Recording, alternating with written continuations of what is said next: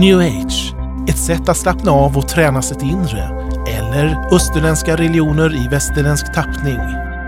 Gunilla Svensson besöker ofta new age-mässor och inre harmonimässor runt om i landet och möter människor där som söker efter inre harmoni. Hon reser runt i landet och föreläser om new age och kristen tro. I möte med new age får du svaren på frågeställningar som miljontals svenskar ställer sig idag. Hur uppnår man inre frid? Ja, Gunilla, nu sitter vi här i studion igen. Ja, nu är det dags igen. Och vi har vår eminenta gäst Sandra med oss den här veckan också. Ja, jättekul. Och idag ska vi tala om andliga manifestationer som Bibeln kallar för andliga nådgåvor. Människor som söker i new age söker efter upplevelser tror jag. Visst är det så? Ja. Och Bibeln talar om andliga upplevelser och andliga nådgåvor. Vad är andliga nådgåvor för någonting? Mm, jag tänker på att i första Korinthierbrevet 12 så står det om de andliga nådegåvorna. Och det är någonting som Gud ger sin församling som man vill att vi ska flöda i, som vi ska ha, som är till för att uppmuntra och hjälpa församlingen och för människor. Ofta är de glömda, de är bortskuffade och de här andliga gåvorna det är just det profetiska, att kunna tala in i någon profetiskt, en hälsning från Gud, komma med vishet och kunskap. Du blir ju frälst genom ett profetiskt budskap, kan du berätta om det? Ja, jag hade en lång väg innan jag tog emot Jesus där som eh, andra gången där som 23-åring där. Men då var jag i alla fall på ett stort ungdomsmöte. Det var jättemånga ungdomar och jag hade under en ganska lång tid stått med en fot i världen och en fot i kyrkan och inte kunnat bestämma mig. Ehm, det var knöligt hemma, hemma och så mamma och pappa tyckte inte om mitt beslut så. Men då vet jag att den pastorn sa bland alla de här hundratals ungdomarna att det finns en tjej här inne som jag bara upplever det så tydligt att Herren säger det till mig. Säger han, du står med en fot i världen och en fot i kyrkan och du kan inte bestämma dig.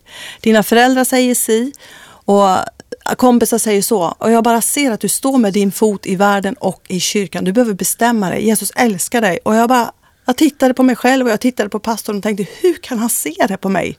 För det var så klockrent. Så jag gick bara fram och sa det är jag, det är jag, hur visste du? Ja, jag visste inte, sa han, att Gud kan komma och ge en profetiska tilltal. Och det var ju så mitt i prick för mig. Så där tog jag emot Jesus. Hur fungerar det här med profetiska? Är det att man kommer i extas och talar ut saker eller vad är det?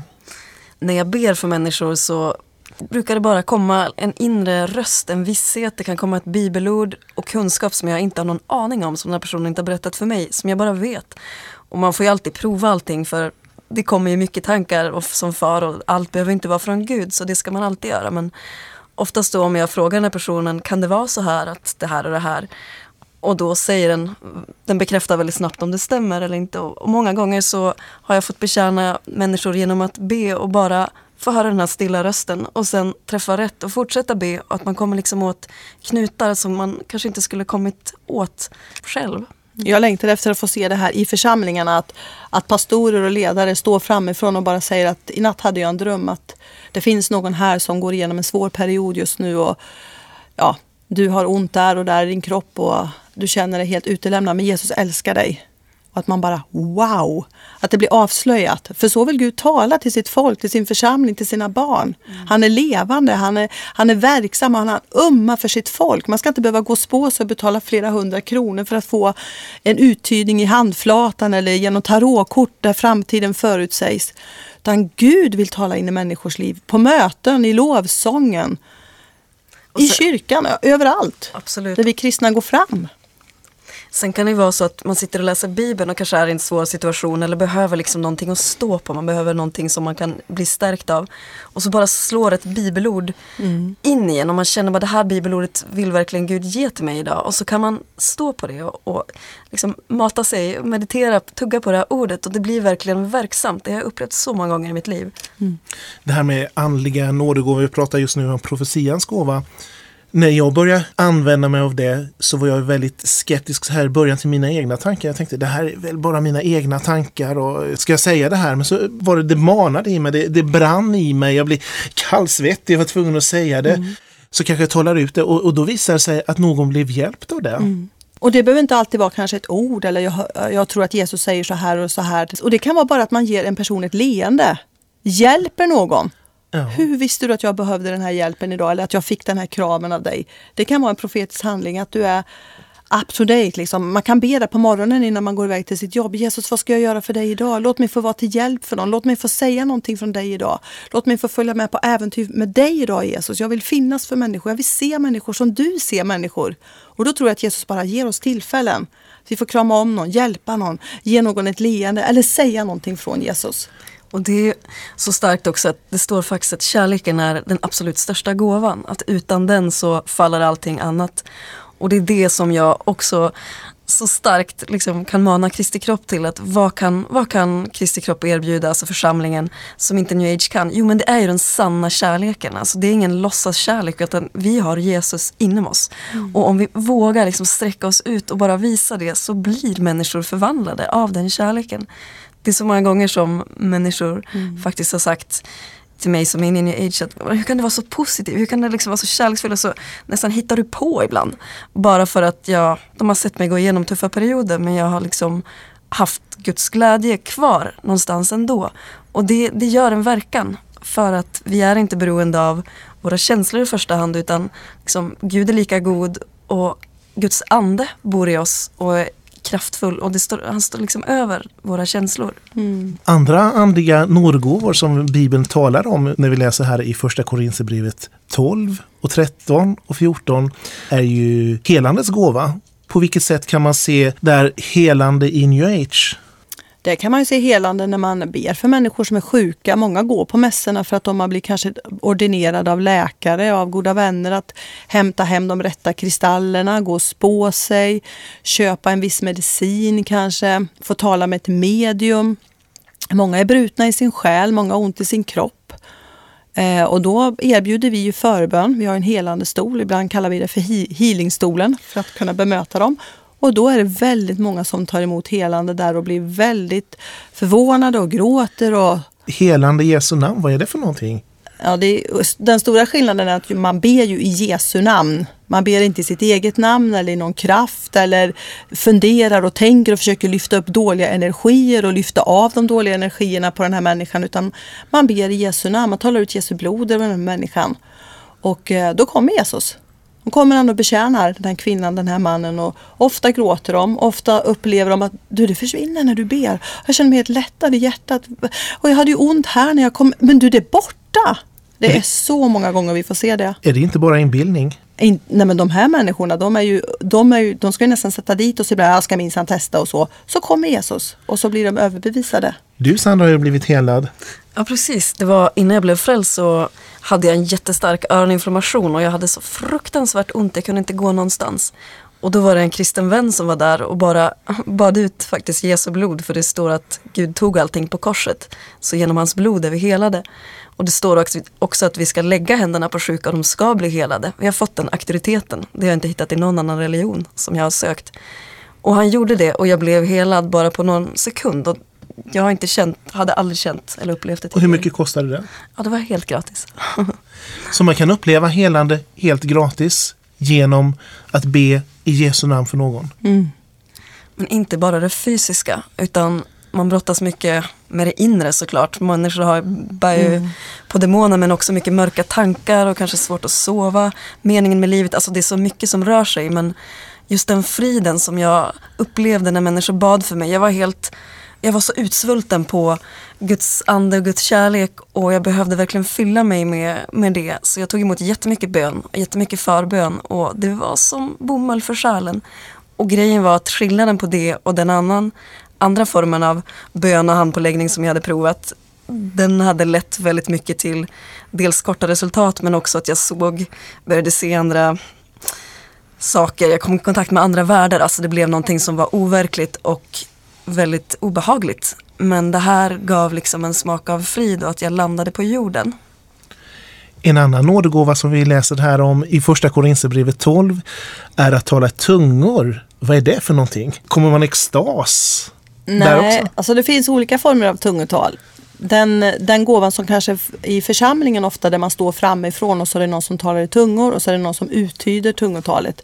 Det är en speciell gåva men det här tungotalet som man har hemma i sin kammare, det här bönespråket. Det är ju en gåva som, eh, som jag tror alla kristna ska ha och som jag tror att vi har vi tagit emot Jesus så har vi en helig ande i vårt hjärta. Varför ska vi ha det tycker du?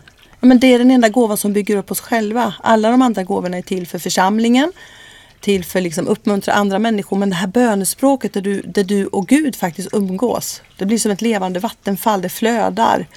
Det kan vara ganska tungt kan jag tycka ibland på morgonen när man stiger upp. Ah, tack Gud för en ny dag, tack Jesus att du är med mig på jobbet. Det blir lite torftigt så. Men att få sätta igång en stund och bara tala i tungor, alltså, det väcks, min ande kommer till liv och jag får, får, får liksom komma nära Guds hjärta. Jag vet inte vad jag ber, jag förstår det inte men det är sån kraft och det är sånt flöde med den helige ande. När man tar emot Jesus så tar man emot Jesus i tro. Och när man talar i tungor så gör man det bara i tro. Man vet inte hur det ska låta, hur man ska säga för alla språk är olika. Man bara talar i tro, man bara öppnar sin mun och bara talar och det kanske är ett enda ord man får. Fortsätt bara att tala det. Det kommer komma mer.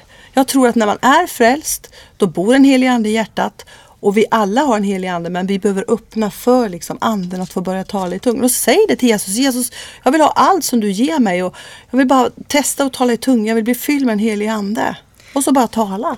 Och jag upplevde också att eh, när jag hade blivit nyfrälst speciellt att det var verkligen mycket som drog mig. En annan ande som ville ha tillbaks mig så att säga.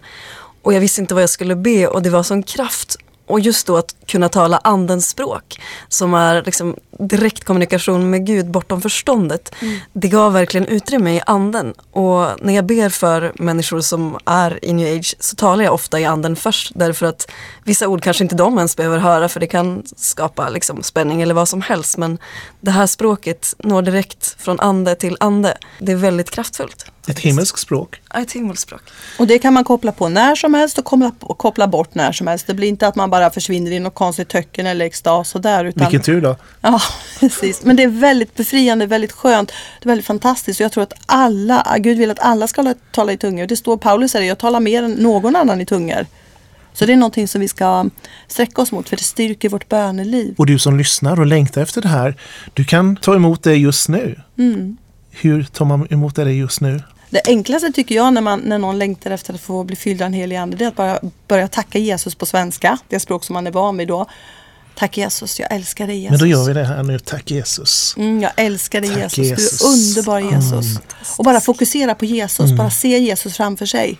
Mm. Och sen räcker oftast inte de här svenska orden till utan när man, när man Jesus kommer för en så blir man så fylld, man blir så glad, man vill bara säga mer. Och då man förlorar ofta, sig själv.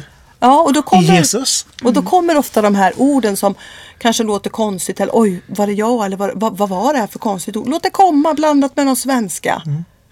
Och jag tänkte på det här med tankar som jag var inne på förut att det är lätt att det kommer över en när man varit i en annan andlig, andlig verklighet där man också sätter tanken väldigt högt. Att det vi tänker och det vi känner det är sanning och vi kan bemästra våra tankar och vi kan bemästra våra känslor.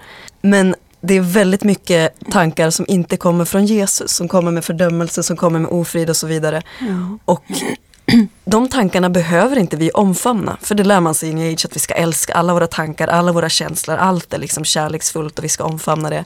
Vi ska inte omfamna tankar som säger att vi är dumma eller som, att vi, som ger oss låg självbild och så vidare. De kan vi faktiskt kasta ut.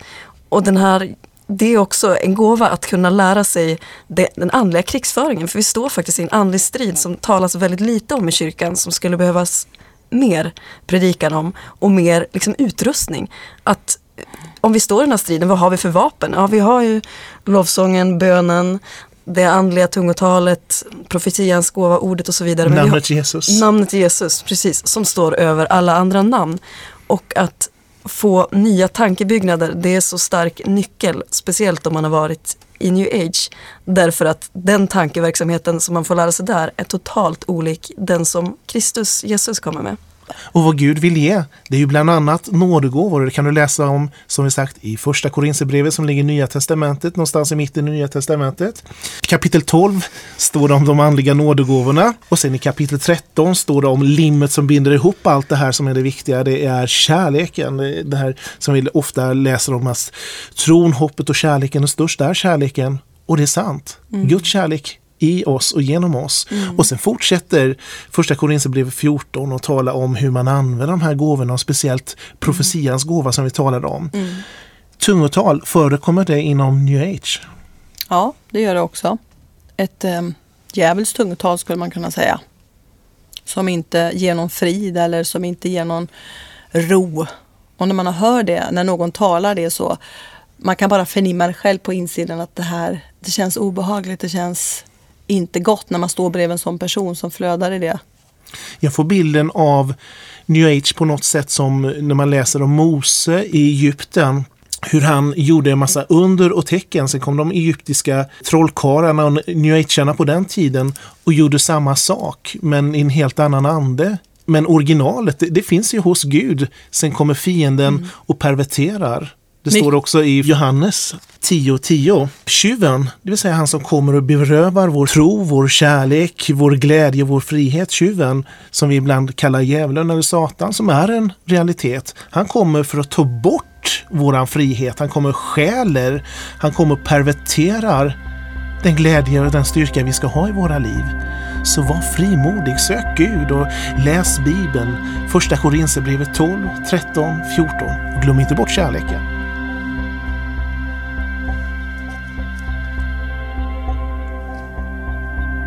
Du har lyssnat på Möte med New Age med Gunilla Svensson. Har du frågor eller funderingar kring det du hört är du välkommen att kontakta oss på info sverigeskristnaradio.se.